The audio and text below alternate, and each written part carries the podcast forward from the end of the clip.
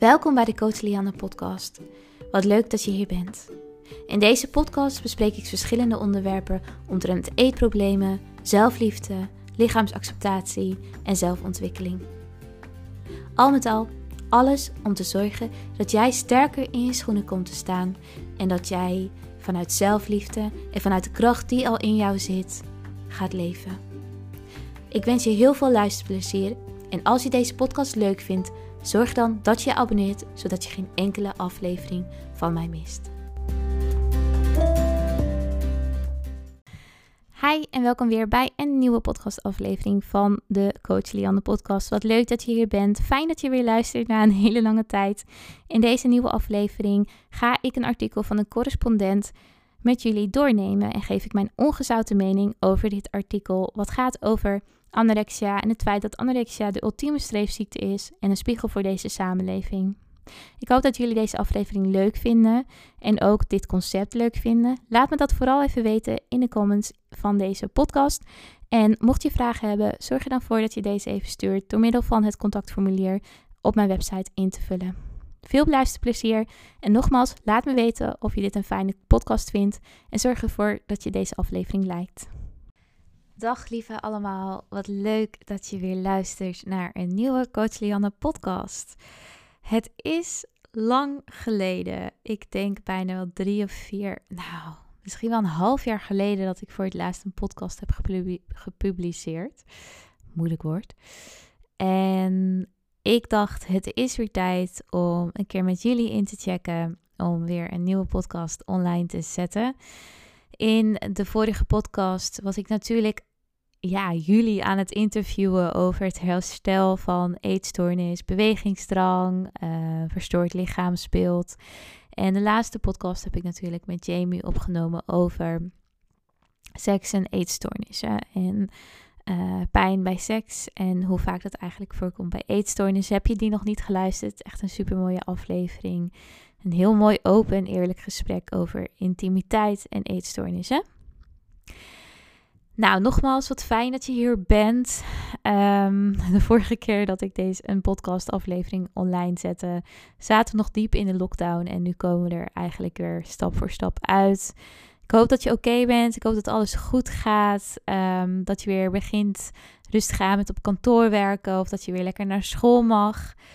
En ja, nogmaals, fijn dat je hier bent. En in deze podcast ga ik iets doen wat ik nog nooit heb gedaan.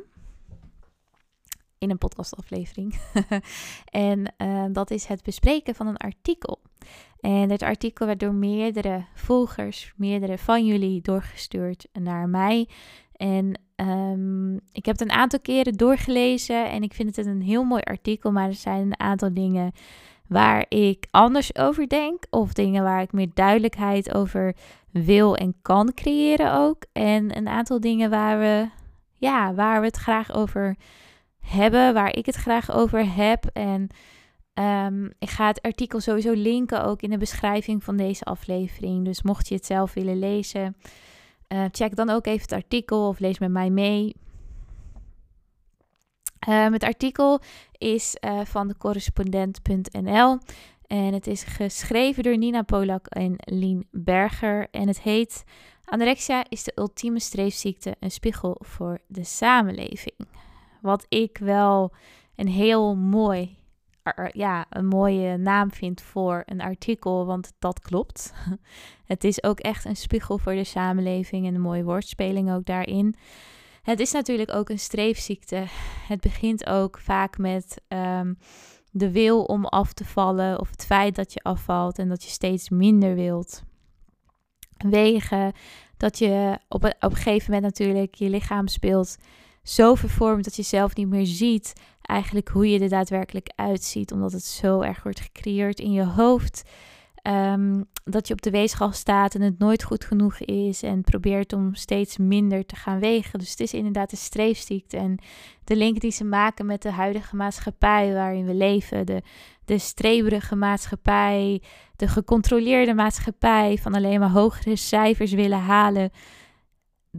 Dat is een hele mooie connectie en een mooie verbinding die we daarin kunnen zien. En de reden misschien ook wel dat uh, eetstoornissen zo ja, zo, zo groeien ook, omdat die maatschappij eigenlijk ook alleen maar de afgelopen jaren is gegroeid, gegroeid en gevoed natuurlijk. En misschien ook wel sinds corona dat het heel erg is gegroeid, omdat we stilstonden en dat zijn we niet gewend in deze maatschappij. En in het artikel staat hier ook minister Hugo de Jonge van Volksgezondheid noemde het twee jaar geleden als zijn grootste hoofdpijndossier. En voor jullie die hier al heel lang zijn, mijn OG-subscribers, mijn OG-followers hier op Instagram, weten dat ik ooit een keer een brief heb geschreven naar de minister van Volksgezondheid, Hugo de Jonge, over het feit dat er al zo lange tijd, want het is niet alleen van nu, het is al bijna dat het vijf tot zes jaar in de media wordt gezegd dat de zorg voor eetstoornissen tekort komt, dat de GGZ met handen in zijn haar zit, dat minister Hugo de Jonge met handen in zijn haar zit over de zorg en dat de GGZ het niet meer aan kan, maar dat de GGZ waarschijnlijk ook niet goed werkt en dat we dat eigenlijk allemaal weten en dat de wachtlijsten te lang zijn. En hier staat dat het inmiddels code zwart is. Ja, logisch als het al zes jaar lang zo doorgaat. De Nederlandse anorexia-zorg voor jongeren loopt over en schiet tekort. Nou, little did they know, want wij wisten dat al een langere tijd, al jaren. Al voor corona zaten klinieken vol, waren de wachtlijsten lang en werden patiënten die naast anorexia ook nog met andere aandoeningen kampten van het kastje naar de muur gestuurd. Well, I've been there. En ik denk 90% van mijn cliënten hebben daar ook gestaan. En dat vind ik eigenlijk wel een van de hartverscheurende dingen van de GGZ en van de huidige gezondheidszorg hier in Nederland. Het feit dat je van de kastje naar de muur wordt gestuurd, dat je heen en weer wordt gestuurd, maar ten eerste ook eigenlijk wordt verteld tenminste veel cliënten van mij hebben dat gehoord. Uh, ja, het is misschien nog niet zo erg. Kijk het nog heel even aan. Dit lijkt op een eetstoornis, maar het is nog in het beginstadium. Ga gewoon goed eten. Zorg ervoor dat je jezelf en je gewicht bijhoudt. En kom echt weer terug op het moment dat het echt uit de hand loopt. What the F? Seriously? Dit is een recept voor iemand die streberig is. Hè? Gaan we weer terug naar dat streberigheid ik word niet serieus genomen. Ik word niet gezien. De kern van heel veel mensen die een eetprobleem creëren, is het feit dat we gezien willen worden. We voelen ons niet gezien, we voelen ons niet goed genoeg. We zijn ook nog gefaald in het creëren van een eetstoornis of we worden niet serieus genomen, dus ik hoef mezelf ook niet serieus te nemen misschien. Dus misschien moet het eigenlijk nog erger worden voordat ik eindelijk hulp kan krijgen. Maar ik wil er eigenlijk wel uit, want ik heb al heel lang nagedacht of ik wel of niet hulp nodig heb. En nu eindelijk ben ik zover. En dan alsnog word ik van het kastje naar de muur gestuurd. En um, de hartverscheurende verhalen die naar buiten komen over kinderen van wie het leven niet gered kan worden, staat hier. Want wie anorexia heeft, eet veel te weinig of beweegt veel te veel of allebei en bereikt zo'n gevaarlijk laag lichaamsgewicht een levensgevaarlijk laag soms. Nu wil ik hierbij heel graag zeggen dat anorexia niet de enige eetstoornis is die iemand kan krijgen. Dat een verstoorde relatie tot voeding altijd serieus genomen moet worden. En dat, niet, dat eigenlijk iedereen met een eetstoornis kampt met meerdere verschijnselen van verschillende eetstoornissen. Dus mocht jij geen heel laag gewicht hebben of in levensgevaar zijn en je leest zo'n artikel en denkt: oh, maar bij mij valt het wel mee. Nee, daar gaat het niet over. En dat is soms wel iets wat ik heel erg mis in artikelen. Anorexia gaat niet over lichaamsgewicht. Anorexia gaat niet over het feit of je een bepaald gewicht hebt, of heel dun bent, of um, in levensgevaar bent. Hell no. En de meeste mensen die struggelen met een eetprobleem, die zijn niet in levensgevaar.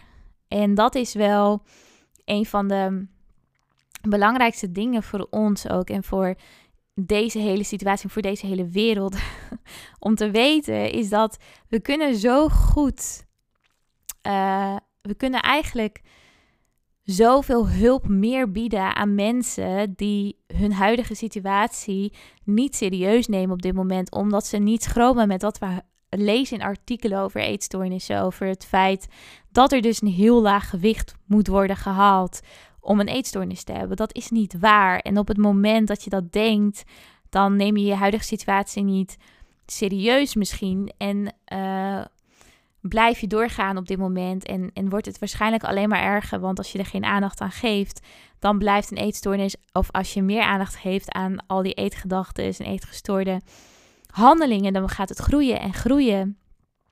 Totdat het dus wel zover is. En dan zijn we alweer, ja, dan is het eigenlijk dweilen met de kraan open. Lange wachtlijsten en rigiditeit van het systeem vormen overal in de GGZ een probleem. Klopt. Zeker sinds de verantwoordelijkheid voor de zorg naar de gemeente is overgegeven. Want ja, wow, ik loop hier zelf als coach heel erg in vast. Want ik ehm, werk wel samen met gemeenten, voornamelijk Amsterdam. En heel veel mensen die dus bij de gemeente werken, hebben dus eigenlijk geen idee wat een eetstoornis inhoudt en wat voor hulp er nodig is. Dus ja, dat is best een probleem. mensen zijn niet echt opgeleid daarvoor. Uh, anorexia is, en hier hebben ze alleen maar over anorexia, maar uh, er zijn meerdere eetstoornissen en die zijn net zo levensgevaarlijk en ook heel belangrijk om serieus te nemen. Mede vanwege het extreme karakter van misschien wel het meest zichtbare voorbeeld van wat er misgaat. True. Uh, artsen noemen de pandemie een snelkookpan. Bij het Amsterdam UMC werden vorig jaar najaar binnen drie maanden 36 kinderen met anorexia aangemeld, terwijl het er de herfst ervoor 24 waren geweest. De ernst van de, eetstoor of van de stoornis nam ook toe. Vaker dan voorheen stopten kinderen helemaal met eten en drinken. Um, ja, dat is, dat je staat hier ook, dit klinkt alsof het excessen zijn, dat zijn het ook, maar toen wij ons verdiepten in de stoornissen en in de problemen waar de zorg mee kampt, begrepen we dat de extreme problematiek een spiegel vormt voor de samenleving. Deze ultieme streefziekte laat namelijk zien hoe hoog de eisen zijn die we stellen in onze maatschappij, aan onszelf, aan ons lichaam en aan de specialistische zorg. Klopt. Dit is een heel, heel goed uh, stuk van, deze, van dit artikel. Want het is ook echt waar. De eisen die worden gesteld in de maatschappij, de eisen die. Zonder dat iedereen dat wil, worden de eisen die er op social media aan ons lichaam worden gesteld. Um, het mee willen gaan in een groep wat een menselijk gegeven is, omdat dat ons veiligheid geeft. De eisen die we daarbij dus aan onszelf stellen, omdat we denken dat we er dan bij horen. En de zorg die het niet bij kan benen, allemaal. Ehm, en die eigenlijk vastzit in het verleden, zorgt er eigenlijk voor dat het heel moeilijk is. Dat het heel moeilijk is om de juiste zorg te bieden als de omgeving van ons allemaal wordt gevoed met deze hoge eisen. Niet alleen omdat in Nederland jaarlijks 5 tot 10 procent van, procent van de 5600 patiënten overlijdt, Kun je nagaan, 5600 en dat zijn alleen nog maar de geregistreerde patiënten. Ik noem het eerder gewoon cliënt of gewoon mensen.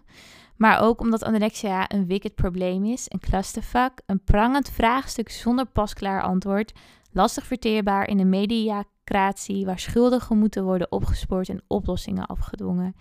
Tegelijkertijd houden degenen die het lef hebben om recht in de spiegel te kijken, de mensen in de frontlinie van deze allermoeilijkste zorg, de sleutel in handen tot een beter systeem. Ja, hier loop ik zelf ook heel erg tegenaan als coach. Ik sta heel erg open voor samenwerking met de GGZ. En ik heb een aantal uh, keer gesprekken gehad met een aantal GGZ-instellingen. En ik merk dat het heel moeilijk is om met hen contact te houden, omdat ze op een gegeven moment eigenlijk gewoon geen contact meer opnemen. Um, en dat als iemand bij een GGZ-instelling voor eetstoornissen in behandeling is en iemand komt er bij mij, dan wordt dat soms niet geaccepteerd. Dus dan moet diegene kiezen.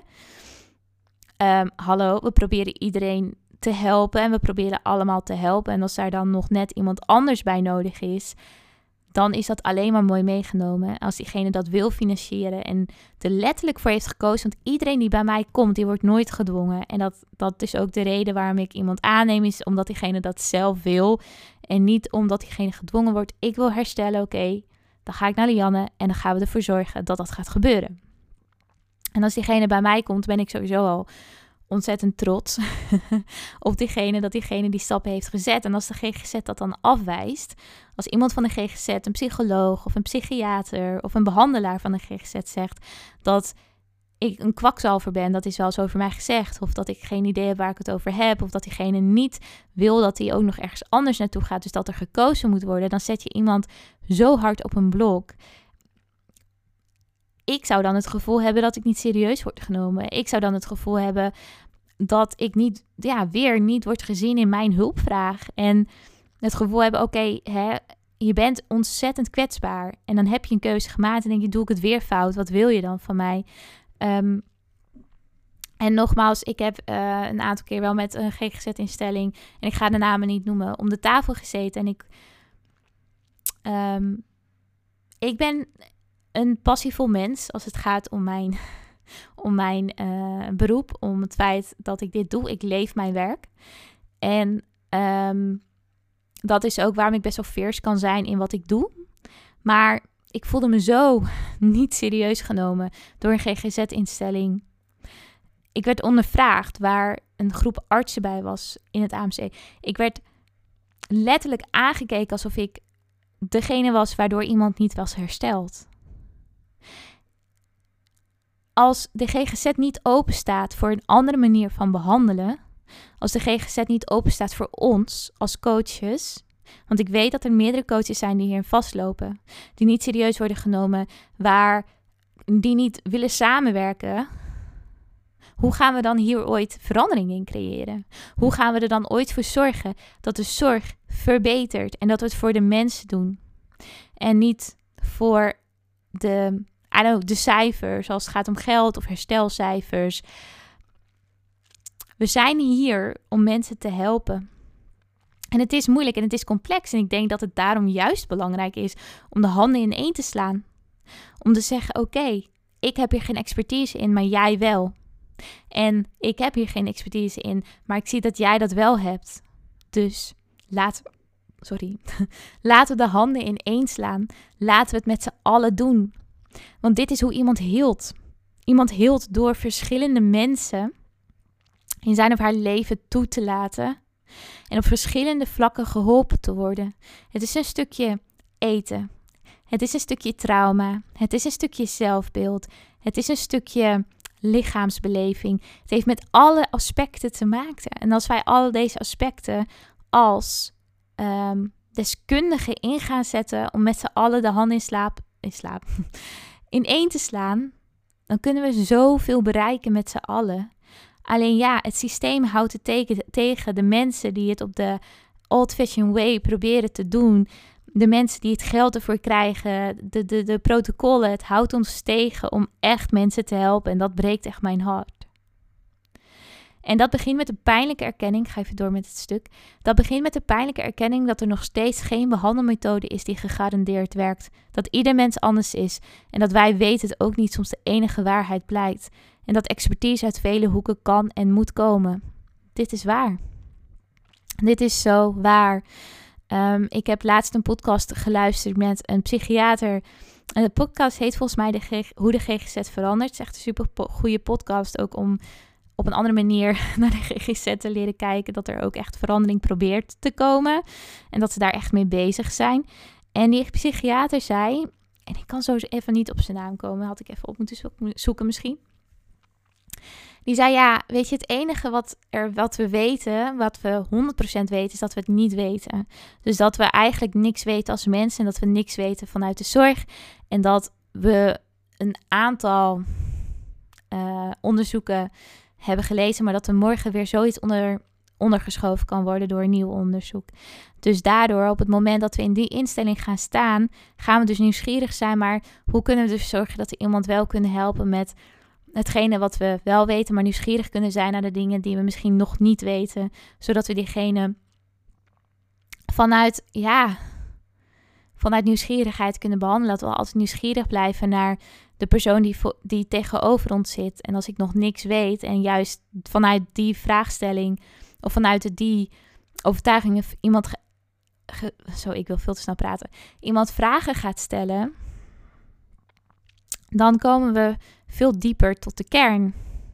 En expertise moet uit vele hoeken komen bij herstel. Niet alleen bij eetstoornissen, niet alleen bij verstoorde relatie tot voeding, maar ook bij trauma. Ook bij burn-out. Het heeft met zoveel aspecten te maken en dat vergeten we altijd. We weten het niet en dat klopt. We weten soms niet wat 100% goed helpt. En sommige cliënten komen bij mij na tientallen jaren in de GGZ hebben gezeten en zijn soms in een aantal sessies zoveel verder, omdat ze juist al zoveel hulp hebben gehad en net dat ene, ene stapje en dat ene steuntje in de rug van mij, en een bepaalde manier van vraagstelling van mij nodig hebben. Een aantal cliënten komen voor het eerst bij mij en zijn ook in een aantal sessies zo ver en gaan dan weer verder naar iemand anders. En dat is de kracht die wij als mens hebben. Wij hebben een keuze. En soms vergeten we dat wel eens. Dat we zo afhankelijk worden gemaakt van de GGZ. Dat we vergeten dat we een eigen keuze hebben. En dat financieel gezien het altijd goed komt. En ik weet dat dat soms echt een heikel punt is. En ik haat het eigenlijk ook om daarover te hebben. Maar dat als we de handen ineens slaan en de hulp uit vele hoeken laten komen. Vanuit ervaringsdeskundigheid, vanuit een psychologisch gezien, vanuit therapeut gezien, vanuit trauma gezien. Dat er zoveel meer bereid kan worden als we daar met z'n allen voor openstaan. En dat we uit dat ego, uit dat macho gaan stappen, maar de handen in één gaan slaan. En ervoor zorgen dat het ook uit verschillende hoeken gaat komen. Oké, ik ga weer verder. Ik praat echt zoveel. Zorgen voor iemand die niet verzorgd wil worden. De afgelopen tijd spraken wij verschillende mensen die zich ontfermen over een patiënt of naaste die lijdt aan anorexia. Hoe is het, vroegen wij ons af, om te zorgen voor iemand die zo slecht voor zichzelf zorgt? En wat maakt dat zorgen voor anorexia-patiënten zo moeilijk is? Het heeft natuurlijk ook een enorm impact op de omgeving. En dat is ook wat soms wel wordt vergeten: dat de omgeving ook zorg nodig heeft om hiermee om te leren gaan. Um, en hier staat ook zorgen voor iemand met anorexia. Betekent ook dat diegene zichzelf eigenlijk helemaal niet ziek genoeg vindt, niet verzorgd wil worden. En dat uh, ook al is degene in levensgevaar of ook al um, is het lichaam op zo'n laag pitje aan het draaien. En dat klopt ook, maar dat komt omdat diegene in zo'n zwaar uh, hoofdstuk zit, dat diegene, de hersenen werken natuurlijk niet goed.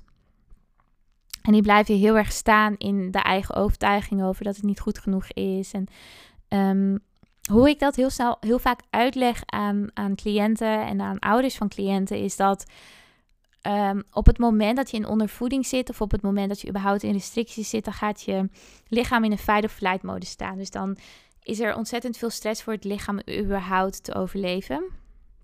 Dus zitten dus in de overlevingsstand, fight of flight modus. Um, je lichaam zit eigenlijk in een modus dat er elk moment een beer op de weg kan staan die je kan aanvallen. Dus je kan voorstellen dat het aanstaat, dat alle zintuigen op scherp staan.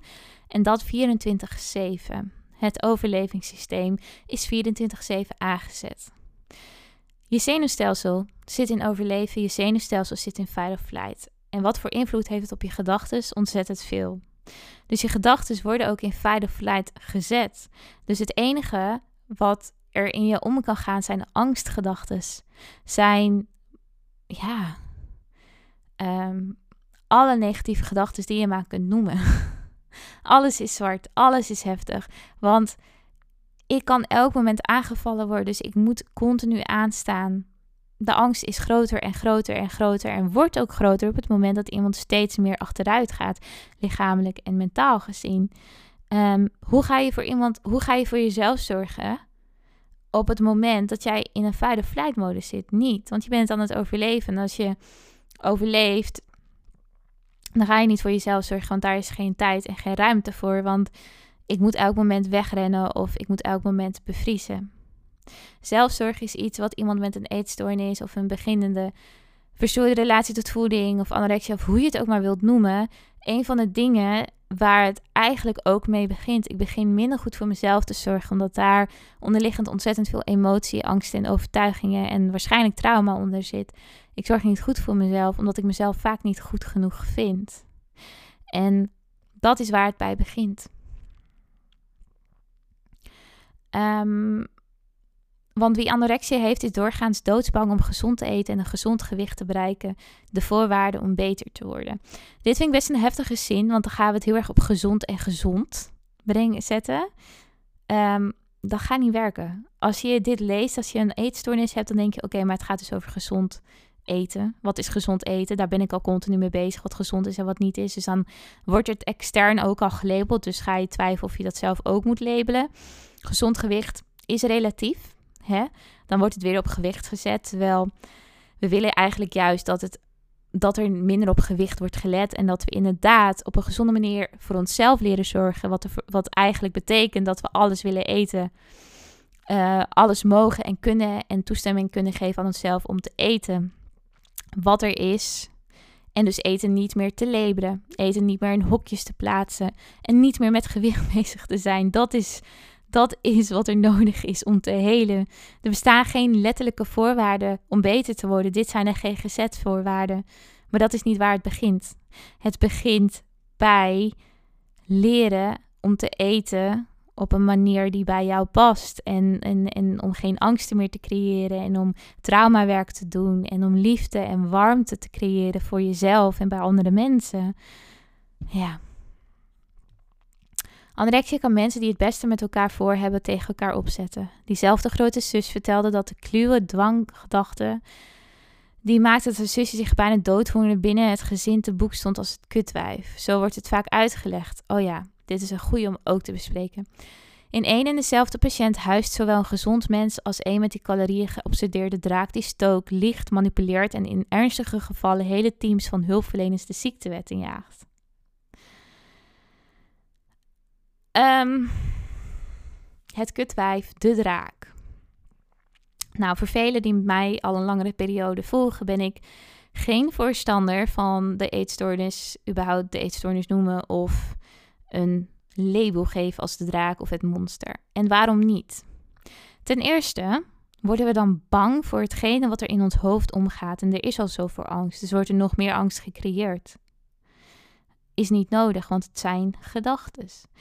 En eetstoornis zijn eigenlijk maar gedachten die ervoor zorgen dat we veilig zijn, omdat het een patroon is wat we een langere tijd veilig hebben gemaakt voor onszelf, wat we nodig hadden om te overleven. Ten tweede, nogmaals, het zijn, het zijn gedachten. En we vergeten door het het kutwijf te noemen of de draak te noemen, verantwoordelijkheid te nemen voor deze gedachten. Wetende dat wij degene zijn die controle kunnen hebben over wat we denken, slechts geloven. En daarbij dus controle kunnen hebben over ons zenuwstelsel. Als ik bang ben voor iets wat er in mijn hoofd omgaat, creëer ik nog meer angst, word ik er nog banger voor en ben ik bang dat ik er niet naar ga luisteren. Maar als ik weet, oh, het zijn gedachten, deze zijn dit zijn gedachten die mij lange tijd hebben geholpen.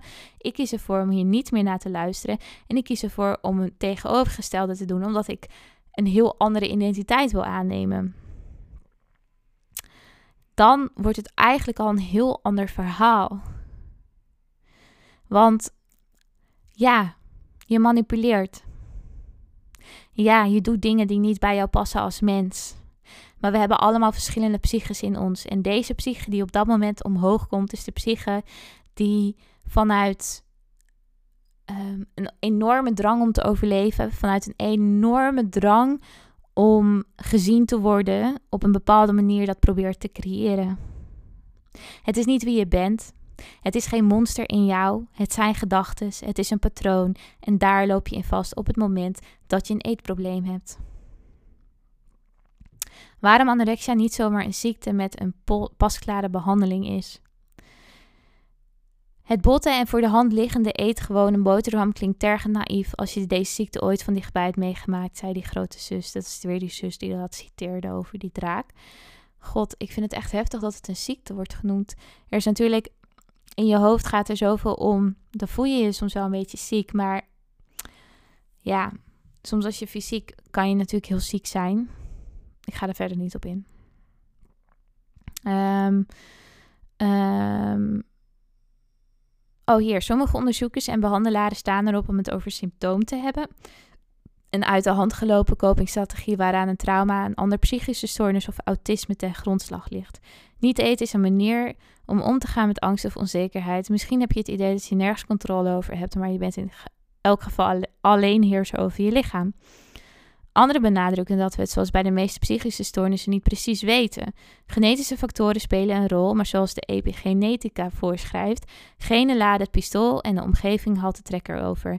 Trauma kan die trekker zijn, of een laag zelfbeeld, of een Instagram-feed vol vetloze lijven, of waarschijnlijker de optelsom van al die zaken. Jup, dat klopt. Ehm, dat is iets wat ik ook wel vaker heb gedeeld, is dat het inderdaad in, de, in genetische factoren een rol speelt. Alleen dat onderzoek is al in 19 nog wat gedaan en dat is ehm, volgens mij weer herstart, waarin ook naar voren komt dat het inderdaad in de genen kan zitten, maar dat het, het hoeft niet. Diegene, zeg maar, die... Um, die cellen die dan worden omgezet om, om, om iets aan te zetten, dat wordt omgezet door de omgeving. Dus wat we zien, dat worden we. En dat is letterlijk ook hoe wij als mensen geprogrammeerd zijn, is we gaan mee in onze omgeving. Als onze omgeving er eigenlijk voor zorgt dat we continu worden eh, beïnvloed door onze Instagram feed, social media, mensen om ons heen die aan het diëten zijn. Dus de diet culture die eigenlijk zo genormaliseerd is dan is dat de trigger. Dan is dat hetgene wat ervoor zorgt dat wij, uh, dat er een eetstoornis wordt gecreëerd of een, een, verstoorde relatie tot voeding, omdat het eigenlijk zo genormaliseerd is in deze maatschappij. Het is de omgeving die de trigger is. Het is niet altijd degene, het hoeft niet vanuit de genische kant te zijn. Dus je bent niet gek, er is niks mis met jou, je bent ook niet, je hebt geen afwijking. En dat is soms waarin we soms zo um, bang worden gemaakt dat je altijd zou moeten opletten. Maar uiteindelijk, als jij ervoor kiest om er niet meer mee bezig te zijn en je niet meer mee om te, te omgeven, dan hoef je daar echt niet bang voor te zijn. Het is niet dat je voor altijd hiermee struggelt. Geloof mij. Um, nog, nogmaals, we weten het niet zeker. Het is ooit een onderzoek gedaan en dat wordt weer opnieuw gedaan. En dan gaan ze kijken wat, waar het nu weer op uitkomt. Ehm, en dat is altijd zo met wetenschappelijke onderzoeken. We kunnen ze ook altijd weer soort van verschuiven naar een nieuw onderzoek, wat dat weer helemaal uitwijst.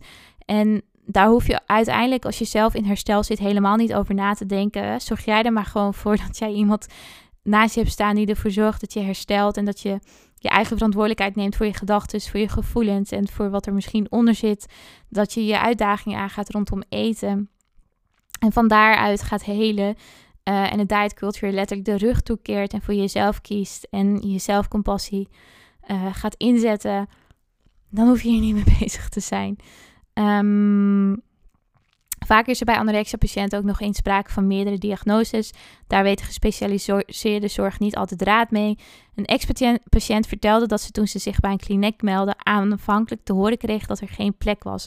Toen ze later alsnog werd opgenomen hoorde ze dat er nog wel bedden vrij waren geweest.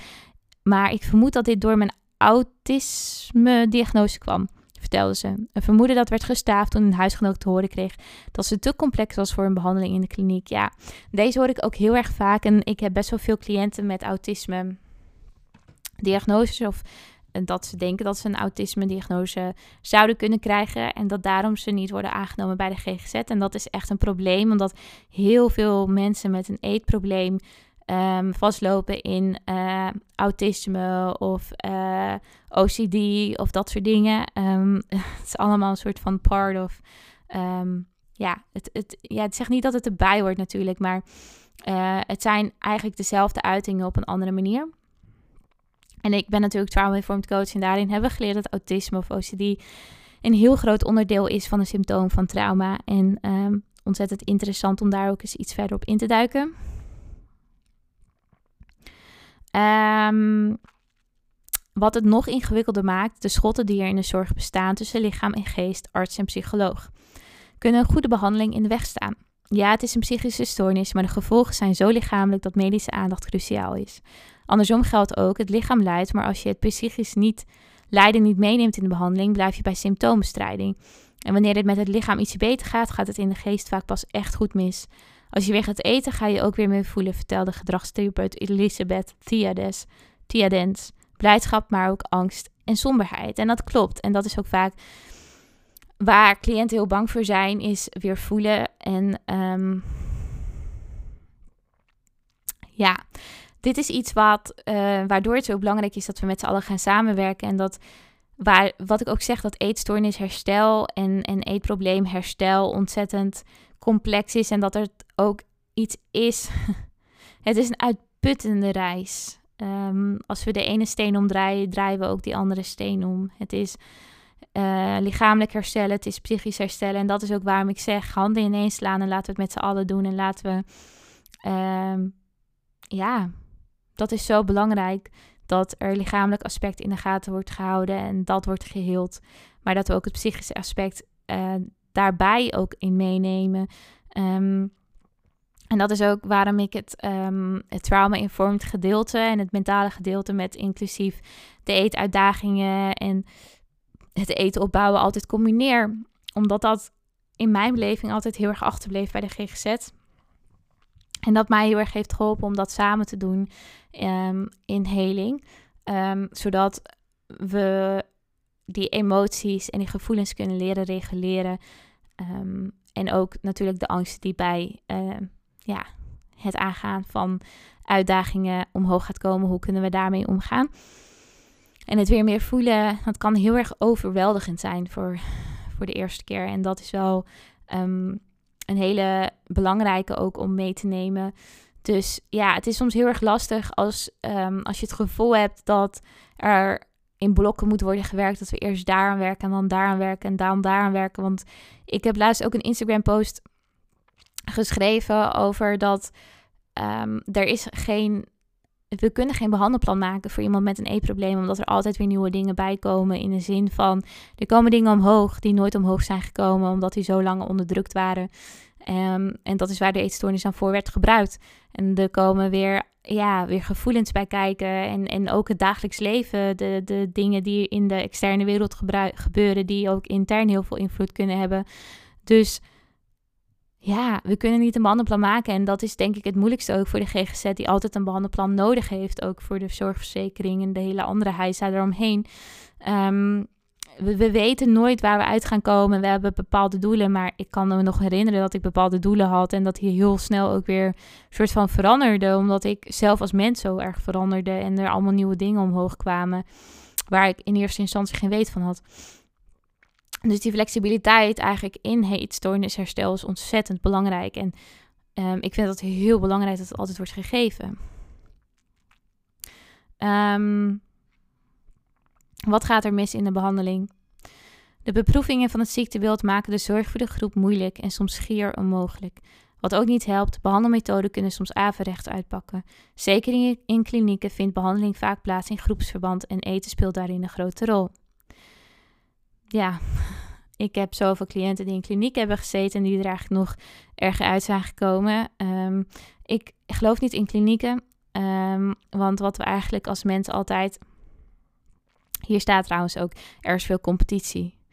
Uh, mensen steken elkaar aan. Ja, guys, dat is best wel logisch, want uit ons oerbrein proberen we altijd bij een groep te horen. Hè? Dat geeft ons veiligheid, dat geeft ons zekerheid, wat we nodig hebben als mens. En waar we mee worden omgeven, dat willen we precies zo doen om erbij te horen.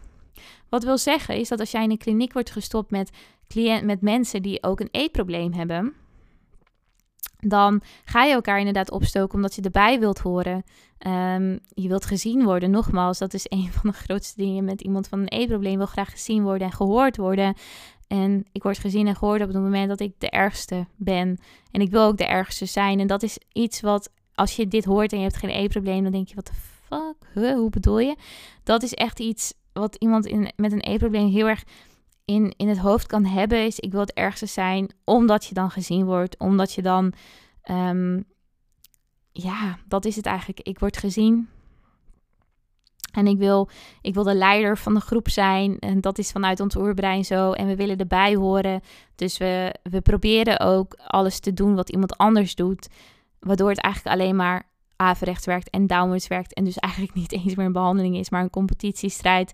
Um, ego heeft daar heel erg mee te maken. Maar ook dus dat stukje, ik wil erbij horen, want anders voel ik me niet veilig in een groep. En ik wil me veilig horen. Ik wil erbij, ik wil niet soort van in de steek gelaten worden. Ik wil er niet buiten vallen, want als oermens was dat heel erg gevaarlijk vroeger.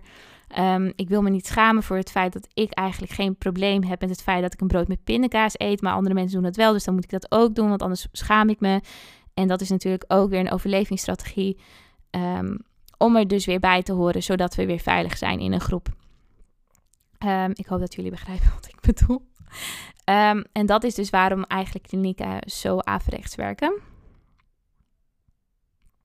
Um, uh, op de nadruk die er in de GGZ-zorgstandaard ligt op een gezond gewicht is steeds meer kliniek, kritiek. Om iemand weer op gewicht te krijgen wordt vaak verplichte eetlijsten, weegmomenten en andere verplichte maatregelen gehanteerd, waarbij de ouders vaak als handhaver optreden.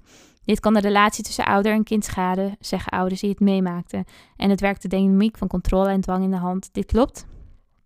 Het is lastig. Dit is echt een heel lastig onderdeel. Uh, ik heb veel met cliënten ook over um, ouder, um, dochter of zoon of hoe je maar identificeert, band hele um, en dus die politieagentrol niet aannemen. En dat is heel lastig, is echt een heel lastig ding. Misschien is het leuk om daar ooit een keer een podcast over op te nemen met een ouder. Um, maar ook dat stukje weegmomenten, uh, eetlijsten volgen. Is, het is een gecontroleerde manier van herstellen. het is belangrijk dat iemand weer leert eten waarvoor een eetlijst kan helpen. Maar op het moment dat het dus tegen gaat zitten, kun je jezelf afvragen: kunnen we het ook op een andere manier doen? En dat is dan in samenspraak met cliënt, diëtist en met de coach. Um, en dat is heel belangrijk dat dat wordt besproken, omdat het anders een gecontroleerde manier van de stijl wordt en het weegmomenten precies zo. We moeten iemand somatisch in de gaten houden, want we willen dat uh, het lichaam uh, gaat helen en gezonder wordt. Um, maar wat ik altijd wil, is dat cliënten het gewicht niet weten en dat alleen de arts het weet en dat het um, niet meer dan één keer per week wordt gewogen. En dat dat een positieve ervaring mag zijn, uh, maar niet hoeft te zijn. En dat diegene dus het gewicht niet weet.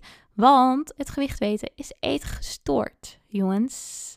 Um, dat is alsof je een, iemand die in rehab zit voor een alcoholprobleem een fles wijn voor de neus zet. En die daar de hele dag voor die fles wijn moet gaan zitten, maar er niet voor moet zorgen dat het niet open te draaien. Het is gewoon torture. En het hoeft niet. Je hebt het niet nodig om te overleven. Um,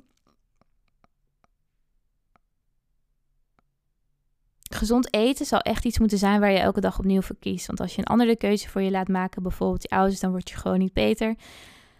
Klopt. Uh, gaan we het weer hebben over gezond eten.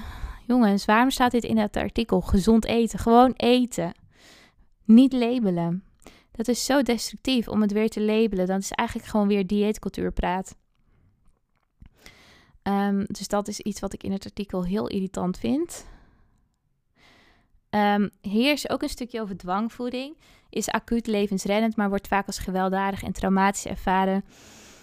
Ja, dat is zo een lastig onderdeel van anorexia herstel of eetstoornis herstel, de dwangvoeding. Ik heb een aantal cliënten die echt met trauma, die ik echt traumatherapie geef voor dwangvoeding. En um, ja, het is zo een lastig, een lastig iets. Um, ja, ik vind, het, ik, ik, ik vind het moeilijk om me daarover uit te spreken. Ik krijg daar veel vragen ook over. Um, ja. Het breekt je op ook als. Ik merk wel dat ik soms als coach ook het lastig vind uh, om me daar een mening over te, te hebben. Omdat je wilt eigenlijk iemand heel graag redden. en dat kan je natuurlijk niet doen. Diegene moet zichzelf redden. Maar als het lichaam het opgeeft, dan wil je gewoon dat diegene blijft leven. Voornamelijk voor de ouders, maar ook voor, gewoon voor, het, voor het mens zelf dat daar ligt. En hoe dramatisch dan die dwangvoeding ook is. Ik snap heel goed dat er dan voor wordt gekozen als het einde nabij is. En dat is heel zwaar en traumatisch voor het mens zelf. Wat daar ligt. Maar je kan op dat moment, je kan gewoon geen keuze meer maken. Omdat ik nogmaals zei, zenuwstelsel zit in fight or flight. Je wilt, je wilt vluchten, maar je kan eigenlijk niet meer vluchten. En de angst is alleen maar groter, omdat je zenuwstelsel zo, zo in letterlijk in een, in een gevarenzone zit. Um, ja, en ik denk dat als we meer preventief gaan zijn en nogmaals mensen ja, de wachtlijsten kunnen gaan opschonen. Dat we meer mensen kunnen helpen op het moment dat we de handen echt in één gaan slaan. Op het moment dat, um, um, dat we mensen echt serieus gaan nemen met de eerste hulpvraag al. Op het moment dat er meer wordt uh, gesproken over eetstoornissen in alle psychische, psychologen, psychische uh, wereld. Hoe we op het moment dat iemand bij ons aankomt, diegene kunnen doorsturen of diegene kunnen begeleiden in eerste instantie voordat hij naar een meer gespecialiseerde psycholoog of coach gaat die een wachtlijst heeft, dan zijn we dat al steeds meer voor. En ik denk dat het feit dat dwangvoeding nodig is en opname in klinieken of ziekenhuizen nodig is, is eigenlijk een verbinding tussen het falen van de GGZ. Tussen het falen van de hulp die er is en de kennis die er is om iemand echt te kunnen helpen en, en, en te begeleiden naar heling toe en naar de kern toe. En je hebt er als GGZ of als psycholoog of als zoals Maascoach geen invloed op wat voor keuzes iemand maakt. Maar als iemand echt gezien, geliefd en warmte ervaart en weet wat, wat er gaande is hè, en, en die angsten stap voor stap aangaat en een fijne, warme omgeving heeft. Uh, niet een koude, kille kliniek die ruikt naar een bejaardentehuis bijvoorbeeld. Of een, een, een, een destructieve omgeving thuis. Hè dan, ja, dan, dan kunnen we dit al zoveel eerder voor zijn. En dat is waar ik heel erg naar streef. En ik hoop dat dat ook iets is waar we ons meer op gaan focussen. Oké, vraag: moet alles dan helemaal anders? De grilligheid van de aandoening. Het wordt wel lekker geschetst hier. Het gebrek aan pasklare oplossingen, de wetenschappelijke onduidelijkheid en de schrijnende excessen vormen een voedingsbodem voor richting strijd, polarisatie en activisme. En voor een hevig verlangen naar een panneke. Ik heb geen idee wat het is, jongens. Zo werden we in 2019 benaderd door een groep therapeuten die de noodklok luiden over de anorexia-zorg. In een brief aan redacties wezen ze erop dat in Nederland gemiddeld iedere dag iemand overlijdt aan anorexia. Als er nou geen oplossing was, hadden we dit misschien kunnen accepteren, zoals je verkeersslachtoffers accepteert, schreven ze. Maar er is wel een oplossing en dat maakt de zaak onverdraaglijk. Ja, Um, hier hebben ze het dan over PRI, Past Reality Integration. Is een hele mooie manier van behandelen. En dit gaat dus ook veel meer over trauma. Dus eigenlijk precies wat ik ook doe, maar dan net een, een beetje andere manier ook lichaamswerk. Um, en dit is uh, wat, wat inderdaad heel erg wordt. Dit is het probleem. Het kan anders, maar er is vrij weinig mogelijkheid omdat de um, mm, GGZ in lijn staat met zorgverzekeringen. Um, dat is de reden waarom ik ook niet word vergoed, maar ik ook daar nooit voor zou kiezen, omdat het eigenlijk alleen maar gaat om patiënt nummer 500, waar je een heel groot uh, dossier voor moet aanmaken. En dat je meer bezig bent met het goed praten wat je doet voor een zorgverzekering, dan dat, um, dat je iemand echt kan helpen en begeleiden.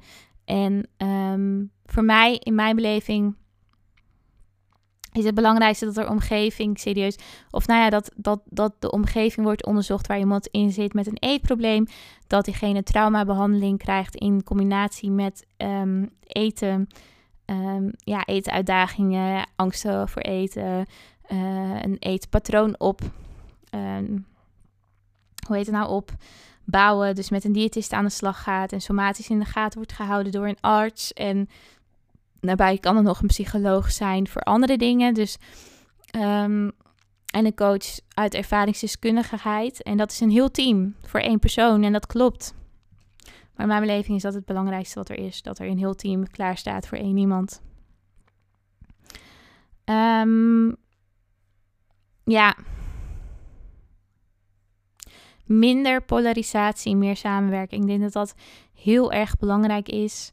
Wat voor de een werkt, werkt niet voor de ander. En we hebben elkaar nodig om elkaar aan te vullen. En dat is, dat is iets wat eigenlijk.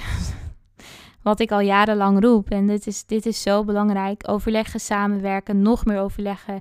En één lijn trekken. En elkaar respecteren en accepteren voor wat we doen. En dat er ook um, naar de cliënt toe uh, serieus nemen. En er vroeg bij zijn. Staat hier ook. Er vroeg bij zijn is belangrijk. Um, en dat ambulante hulp de voorkeur moet hebben en de kliniek een tijdelijke oplossing zou kunnen zijn. Maar uh, bijvoorbeeld voor het gezin een adempauze, maar echt herstel kan alleen plaatsvinden in het gewone leven. En daar ben ik het zo hard mee eens. Um, hier vind ik het ook mooi aan het einde van het artikel staat preventie kinderen weerbaarder maken. Um, opvoeders en onderwijzers kinderen beter leren omgaan met angst, onzekerheid, negatieve emoties. Dat kinderen weer weerbaarder worden. En dit is weerbaarheid is echt iets wat ik heel veel gebruik in coaching en in mijn online academy Intuitively You. En Overwin Eetbuien en straks dus ook in Overwin Anorexia. Die ga ik maken. Um, sterke gemeenschap, sterke individu. En dat ook kinderen leren dat geluk niet afhankelijk is van je prestaties en dat het nastreven van perfectie zo zijn faalkuilen kent. Um, dat discipline op een lager pitje komt, maar uiteindelijk geluk op een hoger pitje. In mijn beleving. Um, en het meten, het meetbare, de controle die in deze maatschappij zo belangrijk is. Het uiterlijk, dat daar minder op wordt gefocust. Dat er geen waarde meer hecht aan hoe iemand eruit ziet. Maar dat iemand leert dat er van binnen zoveel meer zit. En um, het, het einde van het artikel. De oplossing van anorexia bestaat niet. Net zoals de oorzaak niet bestaat. Niet van de aandoening zelf en ook niet van de problemen in de zorg. Ook daarin houdt de eetstoornis onze spiegel voor. Want misschien is dat het erkennen van variatie, van onzekerheid en daar niet van in paniek raken, wel precies waar verbetering begint. Ja, dat is eigenlijk heel erg mooi. Mooi einde. Um, en ik denk dat paniek is vaak iets wat wordt gecreëerd omdat we iets doen wat we niet kennen. Um, uh, onzekerheid is vaak iets wat ons kwetsbaar maakt, waardoor we vaak paniek ervaren. Maar onzekerheid is iets wat we allemaal als mens ervaren. En dat als wij leren dat het oké is om onzeker te zijn en daar nieuwsgierig naar te zijn, in plaats van dat het er bang voor hoeven te zijn, zijn we eigenlijk al best wel ver ook in deze wereld. Um, erkennen van variatie, erkennen van variatie rondom lichamen, erkennen van het feit dat we allemaal anders zijn, maar dat niet wil zeggen dat dat ene fout is en het andere goed en het ene geaccepteerd mag worden en het andere niet. We zijn allemaal mensen en we mogen er allemaal zijn. En ik denk dat je omgeving ontzettend veel invloed heeft waar je je mee bevindt. Het feit dat je ooit een keer bent begonnen met diëten of afvallen, wil zeggen dat je ergens niet tevreden mee was. En het had niks te maken met je uiterlijk, maar meer te maken met het feit dat jij dacht dat jij niet goed genoeg was of niet mooi genoeg was voor je omgeving of voor de maatschappij of uiteindelijk misschien voor jezelf. En neem dat stukje voor jezelf serieus. Um,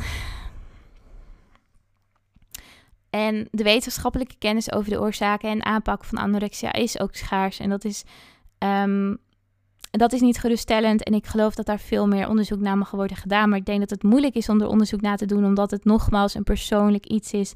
Het is bij iedereen een ander verhaal. En iedereen heeft zo andere manier van hulp nodig. En als we daar meer flexibiliteit en nogmaals de handen in één kunnen slaan met z'n allen, ik denk dat er dan al veel meer verbetering komt in de zorg. Zo, ik ben alweer 50 minuten aan het lullen. Ik laat het hierbij. Ik hoop dat je het leuk vond dat ik dit artikel met jullie deelde, maar ook met jullie besprak en mijn mening hierover uitte. Mocht je het artikel zelf willen lezen, nogmaals, het staat in uh, de beschrijving van deze podcast. Ik deel hem ook straks even op Instagram. En um, Mocht je vragen hebben, zorg er dan even voor dat je naar het contactformulier op mijn website coachlianne.nl gaat om deze vraag te stellen. Ik vind het alleen maar leuk om jullie vragen te krijgen en te kunnen beantwoorden hier in deze podcast of gewoon via de mail. Dankjewel voor het luisteren en ik zie je graag bij de volgende podcastaflevering weer terug.